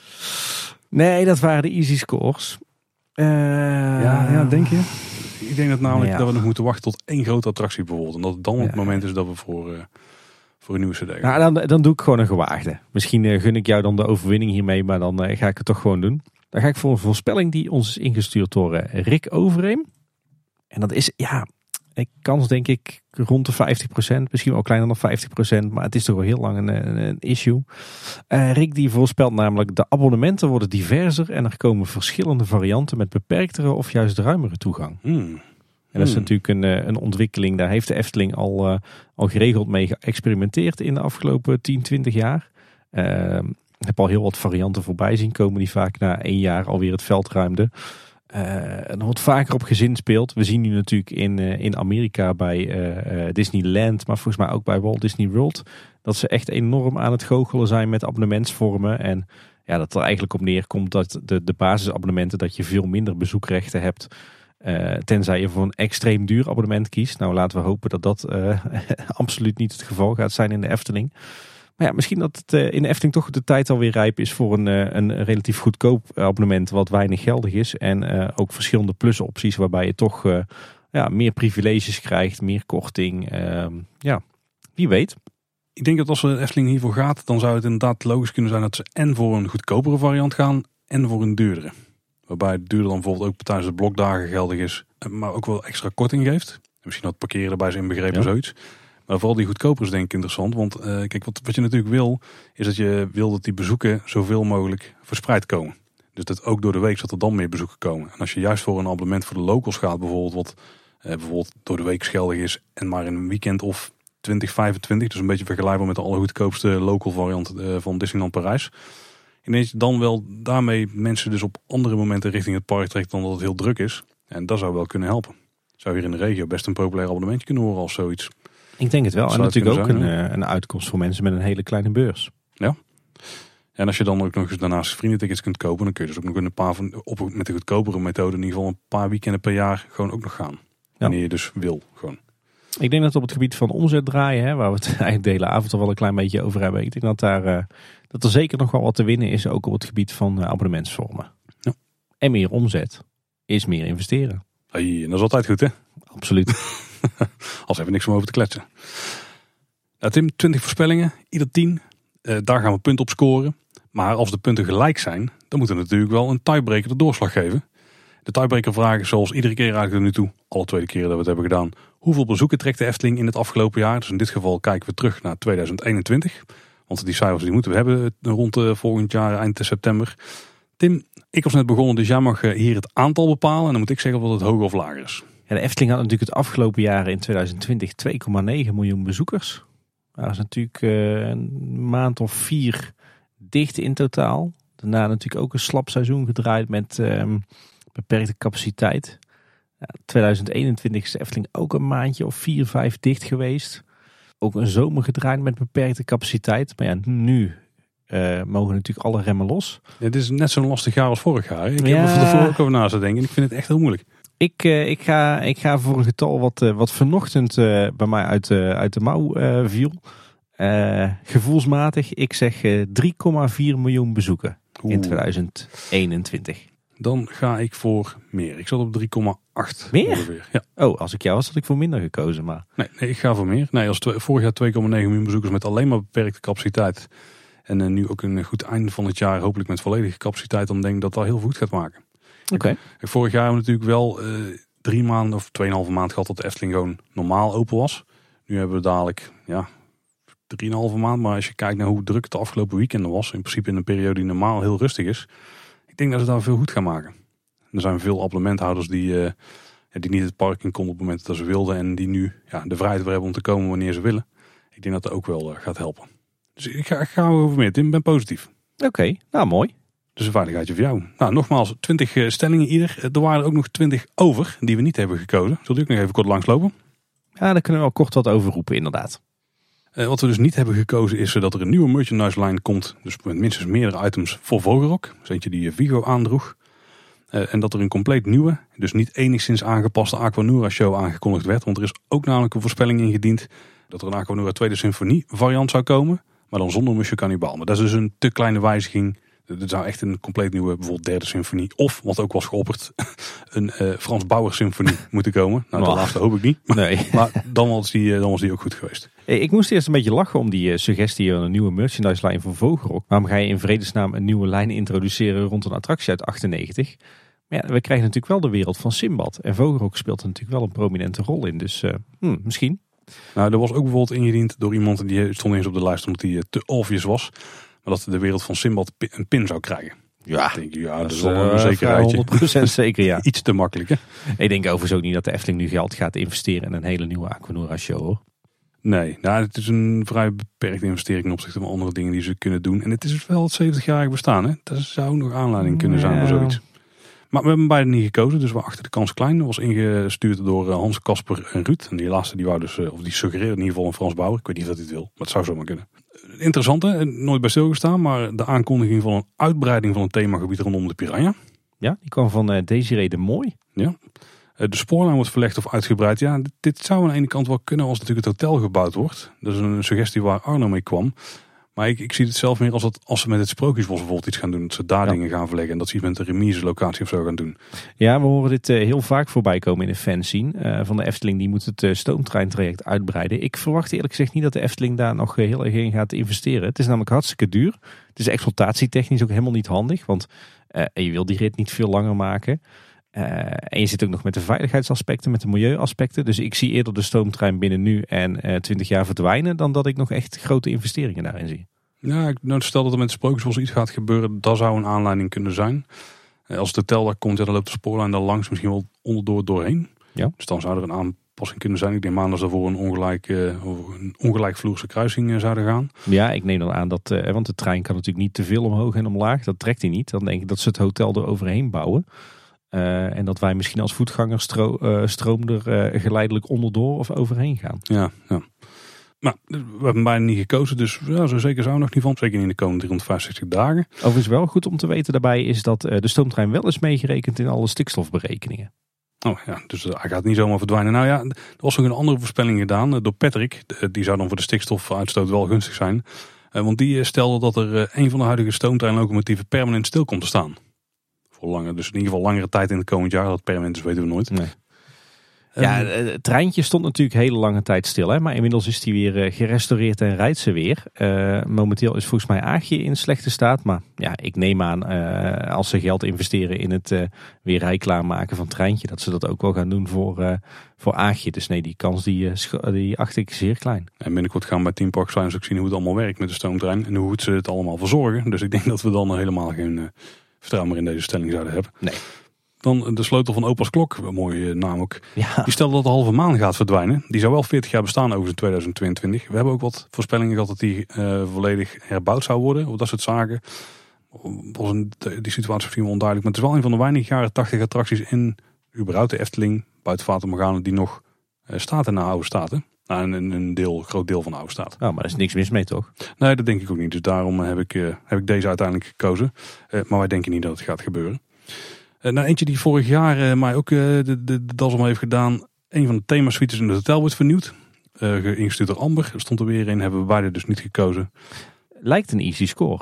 Ja, dit gebeurde in de voorgaande jaren eigenlijk iedere keer al. Omdat ze nu het, het complete hotel hebben gerenoveerd. En wij een paar van die themakamers hebben gezien. En ja, degene die wij in ieder geval hebben gezien, die zien er nog heel goed uit. Ja. Ik eh, achterkans daar eh, klein. Ehm, maar een jaar of drie geleden, ja, vorig jaar leek het, was het een easy score, dacht ik. Maar daar viel ik tegen. Dus, dus niet gekozen. Ja, dan kregen we een eh, suggestie van, of een voorspelling van Parks and Rides TV. Eh, de parkeerplaats Korte Kant wordt op de schop genomen in aanloop naar de Sprookjesbos-uitbreiding. Gaat op den duur gebeuren, maar nog niet in het komend jaar, verwacht ik. Nee, werd eigenlijk ook al eh, eh, aangegeven door Ivo hè, in ons laatste eh, interview over het bestemmingsplan. Dat er eigenlijk nog lang geen concrete plannen zijn om het Sprookjesbos uit te breiden aan die zijde. En dat ze zeker niet vooruitlopend daarop al een bos gaan aanplanten. Dus we zullen echt moeten wachten tot er daadwerkelijk sprookjes bij gaan komen in die hoek. Nou, een vrij korte Caro stopt, door Joost en Ruud ingestuurd. Eh, of het einde daarvan wordt aangekondigd. Het is natuurlijk niet te stoppen binnen het komend jaar. Ik denk niet dat het gaat gebeuren. Denk dat Caro nog lekker even blijft draaien. Nee, dat is veel te snel. Dit wordt een soort eh, soldaat van Oranje in uh, vorm. Eh, dat denk ik dan ook weer niet. Maar een jaar of drie hebben ze volgens mij vooraf aangegeven. En die zitten er nog niet op aan het eind van dit jaar. Nee. Ehm, inbreiding voor het Loonse Land of Bosrijk wordt aangekondigd. Ja, die, die was anoniem, maar die kans achter klein. Want ja, die park staan al vrij vol. Het zou dan eerder... Ja, ik vind hem op zich nog wel reëel hoor. Oh, Oké, oké. Ja, misschien eerder voor het Loonse Land of voor Bosrijk. Eh, Niet- maar ik, niet gekozen. Hm, Nee, maar ik, ik denk dat dit te vroeg is. Ja, Eh, Ik denk dat ze eerst focussen op het, eh het Dwarrelplein Hotel. Ik denk dat er ook de, de grootste vraag op het gebied van verblijf eh, ook enerzijds is eh, luxe hotelovernachting en anderzijds juist onder, aan de onderkant van de markt de camping of de glamping, iets in die geest. Dus ik verwacht dat we op z'n vroegst zo ergens rond 2025 eh, eh, zo'n aankondiging voorbij zien komen. Eh, als het uh, Dwarrelplein Hotel al lang en breed staat. Nou, dan eentje die we alle twee niet hebben gekozen, maar wel veel hebben aangeraakt. Er wordt een nieuw sprookje aangekondigd. Ja, Ja. Dit, dit gaat hoe dan ook gebeuren binnen de komende jaren. Maar Ja. het komend jaar is nog net iets te vroeg. Ik denk 2023. Als Grand Circus op Anderssteden staat, dan denk ik dat het tijd is voor een sprookje. Ja, ik denk dat het eerstvolgende sprookje wel 2024 of 2025 wordt. En ik hoop echt dat we dan eindelijk dat uh, lelijke jonge eentje gaan krijgen waar uh, Fons al jaren zo vurig op hoopt. Dat moet ook zijn af, afscheidscadeau worden, toch? Ja, dan ga ik geen punt krijgen, want dan moet hij nog wel langer aanblijven. Ja. ik denk niet dat die samenhangen. Of ik hoop het voor mijn punt in ieder geval niet. Dan nog een paar uh, muziekkwesties bij de door Carlo. maar de eerste die komt ook van Hans. Er verschijnt een nieuwe geactualiseerde park-cd met attractiemuziek. Nou, het zou zomaar kunnen, maar ik denk dat we daar voor nog een attractietje of 1, 2 moeten wachten. Ja, en ik vraag me af of dat ze het dan nog gaan doen, omdat de CD tegen die tijd natuurlijk niet eh, een heel erg relevant medium meer is. Ja, die twee letters die waren ook essentieel in deze voorspellingen. Om dat nou uit mijn mond te horen, Paul. Ja, nou, wat dat betreft ben je vrij hip, denk ik. Nee, je hebt nog wel vrij veel CD's ook, hè? Ik heb een eh, aardige CD-collectie, alleen ik luister ze bijna nooit meer, omdat ik bijvoorbeeld geen CD-speler meer in de auto heb. Ja, nou, dat is een bekend probleem. Vrij onpraktisch. Uh, tweede muziek, die hebben we net eigenlijk ook al aangehaald. Hè. De tweede symfonie van Aquanura wordt aangepast. Monsieur Cannibal gaat eruit. En daarvoor komt de andere muziek in de plaats. Bijvoorbeeld Max en Moritz. Of uh, nou, roep maar een van de nieuwe toegevoegde zaken van de afgelopen tijd. Ja, het zou kunnen, maar ik denk dat zo'n aanpassing ook stiekem meer tijd en geld kost. Vooral geld dan, uh, dan dat wij zouden denken. Omdat ook heel de programmering van de show aangepast moet worden. Ja. de muziek inspelen op zich zou daar nog niet eens zo heel ingewikkeld hoeven zijn. Ik denk dat denk dat René het ook wel uh, vrij mooi zou kunnen laten klinken zonder dat er überhaupt een heel orkest aan hoeft uh, te pas te komen.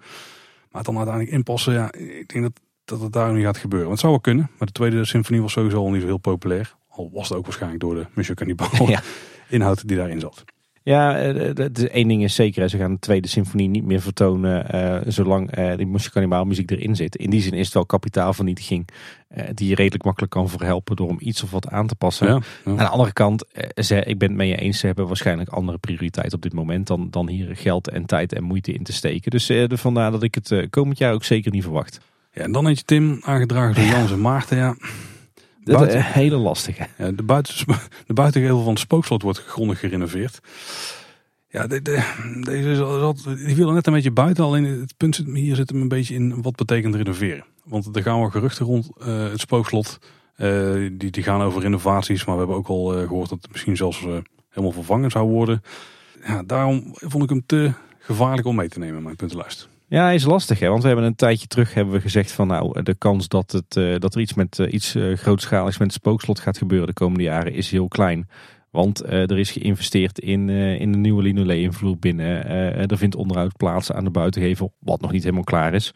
Maar vervolgens horen we inderdaad, vangen we steeds meer geruchten op van ja, toch wel spannende plannen rond die locatie. die dan ook ergens de komende jaren naar buiten zouden moeten komen. Ja, is dat al binnen nu en een jaar? Mm, wordt, ik... de, wordt, de, gevel dan gerenoveerd grondig? Ja, mm. al onder de 50% voor ons beide volgens mij.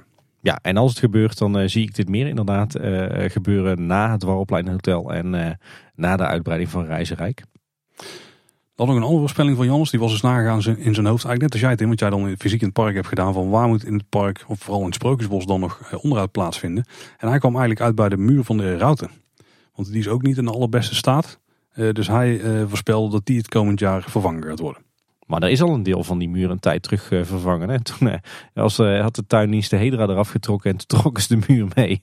Ja, daarom zou het op zich wel kunnen dat ze daar een iets steviger wandje neer gaan zetten. Ja. Maar het komend jaar, ja, op het randje ook hierbij. Mijn, mijn inschatting is dat er heel wat andere onderhoudsprojecten zijn die, die meer prioriteit hebben. Nou, een voorspelling van Kaida, wel een leuke eigenlijk, die ook eh, technisch gezien gewoon kan. Ik weet niet of ze het gaan doen. Maar een van de treinen van Max en Moritz gaat achteruit rijden voor de gasten. Dus niet vanwege storing. Even een belangrijke toevoeging, want we weten dat dat dus kan. Dat hij, dat achteruit terug station kan. En maar Kaida die voorspelt dus dat um, Max en Moritz, ja, dat, dat je dus kunt kiezen als je binnen gaat. Niet alleen of dat je dus in Max of Moritz gaat, dus groen of blauw. Maar dat een van die twee ook gewoon standaard achteruit rijdt voor een bijzondere ervaring. Is wel een vet idee hè? Het zou volgens mij ook vrij makkelijk kunnen als je een, een speciale opening hebt bijvoorbeeld, dat ze dan zoiets instellen. Dus dan is het eh, best wel een, manier om mensen die attractie weer in te trekken. Ja, of, of gewoon een, een, jaar of vijf of tien na opening, dat je dan zegt van uh, we gaan hem weer een beetje opspicen.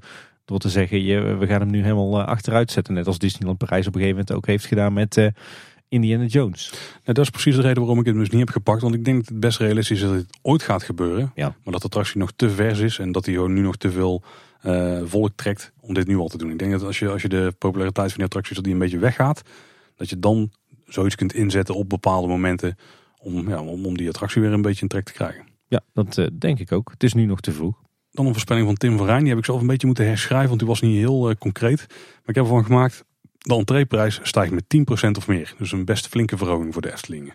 Ja. Dus dat zou betekenen dat die in één keer meer dan 4, 4,20 euro omhoog gaat. Het, het, zou zomaar kunnen, maar hier durf ik niet in de, in de boeken te kijken. Ik zie het wel gebeuren dat ze een groter sprongetje gaan maken dan uh, normaal de komende tijd. Maar ik denk niet dat we het komend jaar al gaan zien. Ja, de kans is echt klein. Als je ziet wat de Efteling de afgelopen jaren heeft gedaan met de toegangsprijs. En als je ziet hoe ze erover communiceren. Uh, dan verwacht ik niet dat ze dit gaan doen. Of in kleine stapjes. Maar zeker niet nu uh, na al die corona-ellende. Ik denk dat ze vooral ook zich zorgen maken om de reputatie. En om dan nu de prijs ineens flink omhoog te gooien, dan uh, maak je natuurlijk ook geen, geen goede beurt. Dus nee, ik denk dat ze eerder de toegangsprijs heel voorzichtig en geleidelijk uh, verhogen. Dan, uh, dan met een fors bedrag. Waar dan weer heel veel pretparkliefhebbers op, op hopen. Maar nee, ik snap de Efteling daar wel in. Ja, Grand Circus Balancé is denk ik wel een mooi moment om een wat groter stapje te maken. En ook een beetje de niet gedane verhoging in 2020 weg te poetsen. Of 2021 eigenlijk. Ja, maar dan verwacht ik toch een, een verhoging van 2 tot max 4 euro. Ja, ja maar vier zit je, ja, dan misschien niet meer, maar dan zit je nu wel op de randje van die 10%. Ja, daar zit wat in. Dan was het een uh, mild dictatorbeslissing geweest, denk ik. Ja. Dan eentje die was aangedragen door Daan Jongbloeds. Bij meerdere bestaande attracties worden ook wachtrijborden geplaatst. Denk bijvoorbeeld aan Pagode, Gondoletta of uh, de Halve Maan. Want die hebben op dit moment nog geen digitale wachtrijborden. Ja, dat zou zomaar kunnen, maar... Ja, ja easy score denk ik. Maar niet per se prioriteit voor de Efteling nu, denk ik. Moet op den duur ook wel gebeuren. Maar je kunt ze in de app vinden. Hè? Dus ook dat is weer een puntje waar ze denk ik een beetje meer daarop leunen. Ja, want bij uh, de Zes Zwanen staat natuurlijk een attractiebord. Maar er staat netjes op uh, check de wachttijd in de app. Oeh, hopelijk niet de toekomst van het park. En daar zit geen, uh, geen digitaal schermpje achter. Hmm. Dan nog eentje van Rwandi en Oscar. En die zenden deze beide in. En de, dit was dus een twijfelgeval voor mij. Dit, deze was in de race voor mijn tiende voorspelling. Nee, ik, ik, weet er gewoon te weinig over eigenlijk om, om hier iets van te vinden. Daarom heb ik er überhaupt niets, niks mee gedaan. Maar die voorspellen beide. De Efteling start officieel weer met de Efteling Pinparade. Met maandelijkse uitgaven van een pin of pinset. Ja, en, en, en een hele tijd terug, volgens mij vlak voor corona. Toen hebben ze nog een keer een, een pinkoord met Pardoes eraan uitgebracht. Met de aankondiging dat ze het hele pinparadefeest uh, weer enorm zouden gaan intensiveren. Dat is er daarna natuurlijk niet van gekomen vanwege de coronacrisis. Maar als je het dan hebt over omzet draaien, is dit natuurlijk wel weer interessanter. Ja, ja dat zou maar kunnen. Maar wij uh, redden die het net niet in de top 10. En dan de laatste voorspelling, die kwam anoniem binnen. En die heb ik vooral niet gepakt omdat ik me er niet heel veel bij kon voorstellen. Maar er vindt er een herindeling van het Huis van de Vijf Zintuigen plaats. Ik denk dat er wel gaat gebeuren, maar ook weer net iets te vroeg. Als de tel gaat openen dan uh, aan het Dwarrelplein, dan is de verwachting dat daaronder misschien de kaartcontrole gaat plaatsvinden. Ja, dan gaat er dan een flinke wijziging gebeuren in het Huis van de Vijf Zintuigen. Maar ik zie ze nu nog niet bijvoorbeeld uh, nog meer kassas verwijderen of uh, anders nee. oriënteren of het toiletblok aanpassen, dat soort zaken. Er staat al bijna geen kassa meer in hè? Nou ja, er zou misschien nog wel iets van attractiviteit in mogen komen. Misschien niet gewoon dat het meer is dan een stenen plein, wat het nu op wel is eigenlijk. Een stenen wachtplein. Maar dat kan straks vooral als het dus niet meer een plek is waar ook uh, duizenden mensen hoeven te wachten. Of als die wachtmeute ergens anders gaat staan. Ja. Dus ik zie het nog niet op korte termijn gebeuren. Nee, eens dit waren de 20 die het dus niet hebben gehaald. Ik even kort herhalen welke dus wij zelf hebben voorspeld. Het begin ik bij mezelf omdat ik ook mocht beginnen met de voorspellingen. Nieuwe verblijfsaccommodatie wordt aangekondigd. Dus het Hotel Dwarrelplein. Het paddenstoelenparcours is nog niet aangepast. Er komt een tentoonstelling 70 jaar Efteling in het Efteling Museum. Een grote attractie gaat onverwachts minstens drie weken dicht vanwege een hardnekkige storing. Fons Jurgens kondigt zijn vertrek aan. Het wordt duidelijk dat het kleuterhof volledig verdwijnt in het verband met de uitbreiding van het reizenrijk. De Efteling introduceert in het park navulbare drinkbekers. Er komen flinke aanpassingen aan het pleintje bij de traptreintjes. De Efteling die stopt met de papieren plattegrond. En er wordt gestart met de aanleg van zonnepanelen in vak M. Kijk, dat is jouw, uh, jouw lijstje met 10 voorspellingen. Zetten we die ook weer online in de show notes op uh, kleineboodschap.com? Zeker, want dat bleek dit jaar heel voor onszelf ook. Om te kijken wat de, ja. de scores precies waren. Kijk, dan uh, zal ik mijn uh, 10 voorspellingen nog even op een rijtje zetten. het huisje van mevrouw Holle wordt eindelijk herbouwd. Er komt weer een, een nieuw zomeravondprogramma met veel entertainment. De uitbreiding van het reisrijk wordt aangekondigd, inclusief conceptart. Uh, de tweede fase van de wereld van Simbad wordt aangekondigd. Ook weer inclusief, de, inclusief nieuwe conceptart. Bij Ezeltje Strekje wordt het mogelijk om contactloos te betalen. Het waterbed in Speelhols Nest wordt permanent vervangen door iets anders. De abonnementen worden diverser en er komen verschillende varianten met beperktere of juist ruimere mogelijkheden. Er komen speciale Efteling fandagen. Er komt een ontbijtoptie voor resortgasten en een vroege entree bij Bekkerij Krummel. En de Efteling kondigt zijn eigen Halloween of een ander hardticket event aan. Oeh, is toch ook een sterke line-up. Hmm. Nou, je kunt ze het hele jaar door in de gaten houden. Dus in de show notes, die vind je op kleineboodschap.com. En je kunt dus ook zelf je voorspellingen insturen. Nogmaals, je hebt daar een voordeeltje, want je mag de, voorspellingen kiezen die zowel Tim als uh, ik hebben gedaan. Plus nog alle anderen. Uh, dus je hebt uh, niemand die ze bij je wegkaapt. En dat kun je doen door naar kleineboodschap.com slash glazenbol te gaan. Dan vind je daar een linkje naar een formulier om die je voorspelling te doen. En ben er een beetje snel bij. Hè? Dus, dus niet stiekem eind december je voorspelling insturen of nou, 1 september of zo. Dan uh, weet je waarschijnlijk van vrij veel dingen al hoe het zit. We checken de datums en uh, alles wat ongeveer, uh, nou, nadat de eerste dingen bekend zijn geworden, die er dan in staan, die, die wippen we eruit. Ja Paul, dan zit het erop. Ik vond het eigenlijk toch verrassend vermakelijk om weer even de toekomst in te kijken. Ja, ja maar toch, weet je wel, een paar puntjes, daar ben je toch wel vrij zeker van. Maar al vrij snel, eerder dan wat ik dacht, als ik dan een beetje het zekerheidspercentage ging schatten in mijn hoofd, dan duikt het toch gauw naar beneden. Ja, nou, ik moet zeggen, de, je verwacht toch een soort van uh, spelletje. Hè? We gaan even gokken. Maar als je dan gaat nadenken over wat gebeurt er het, het komende jaar, dan kom je toch weer terecht in allerlei discussies over de toekomst van de Efteling. En wat is nou wel of niet reëel en wel of niet verstandig. En dan is het toch weer alsof je op een verjaardag zit met, met Efteling-fans om tafel en het de hele avond over de Efteling hebt. Wat uiteindelijk ook een beetje is wat onze podcast iedere week is. Dus dat is dan wel weer grappig. Ja, we, we hebben ook dus voorspellingen gepakt waarvan we dus niet 100% zeker waren dat ze gingen plaatsvinden. Want anders was het een beetje te makkelijk. Want we hadden ook een paar uh, zekerheidjes ingestuurd gekregen. Die waren wel mooi om maar even te noemen. De Team Park Company stuurde bijvoorbeeld. Er wordt een nieuw broodje Unox toegevoegd aan het assortiment. Die kans is vrij groot, ja. Die ging graag voor de zekerheidjes. Maar uh, nog eentje Tim waarvan ik helaas bang ben dat het een zekerheidje is. De defecten bij Etna en Gin worden in de komende 12 maanden niet hersteld. Daar kwam Jans nog mee. Nee, nou laten we hopen dat dat niet waar is. Overigens nog een andere interessante, die waarvan ik vrij zeker weet dat die niet gaat plaatsvinden. De podcast Kleine Boodschap wordt opgenomen onder paraplu van Efteling Media. nou, dat klinkt op zich wel interessant. Daar kwam Ruud nog mee. Maar Ruud, ik kan je vooruit verzekeren, dat gaat niet gebeuren. Nou, bespel je graag met ons mee, dan horen we dat uiteraard graag. Meld even via social media wat je ervan vindt van deze afleveringen. En als je andere vragen hebt of wil gewoon dingen aan ons kwijt, kan het sowieso. Dus uh, via verschillende social media kanalen. En wil je nou weten waar je ons kunt volgen, dan ga je ook naar kleineboodschap.com en dan slash volgen. Kleineboodschap.com slash volgen. En dan kun je alle plekken zien waar wij te volgen zijn. Ja, en op onze website kleineboodschap.com vind je ook alle bijna 250 afleveringen met de bijbehorende show notes. Je vindt er ook een contactformulier uh, waar je je berichtje aan ons kunt tikken. En daarnaast kan je ons ook gewoon mailen op uh, info.kleineboodschap.com. En luister je ons nou in de podcast app en je kunt daar een rating geven. Dat kunnen we altijd heel erg waarderen. En als je dat toch aan het luisteren bent en je bent nog niet geabonneerd, ga je dan eerst schamen en dan even snel op het abonneerknopje drukken. ja, en verder luister je ons natuurlijk ook gewoon via de website of via Spotify. Nou, dat was weer voor deze week. Bedankt voor het luisteren. Tot de volgende keer en houdoe. Houdoe waar.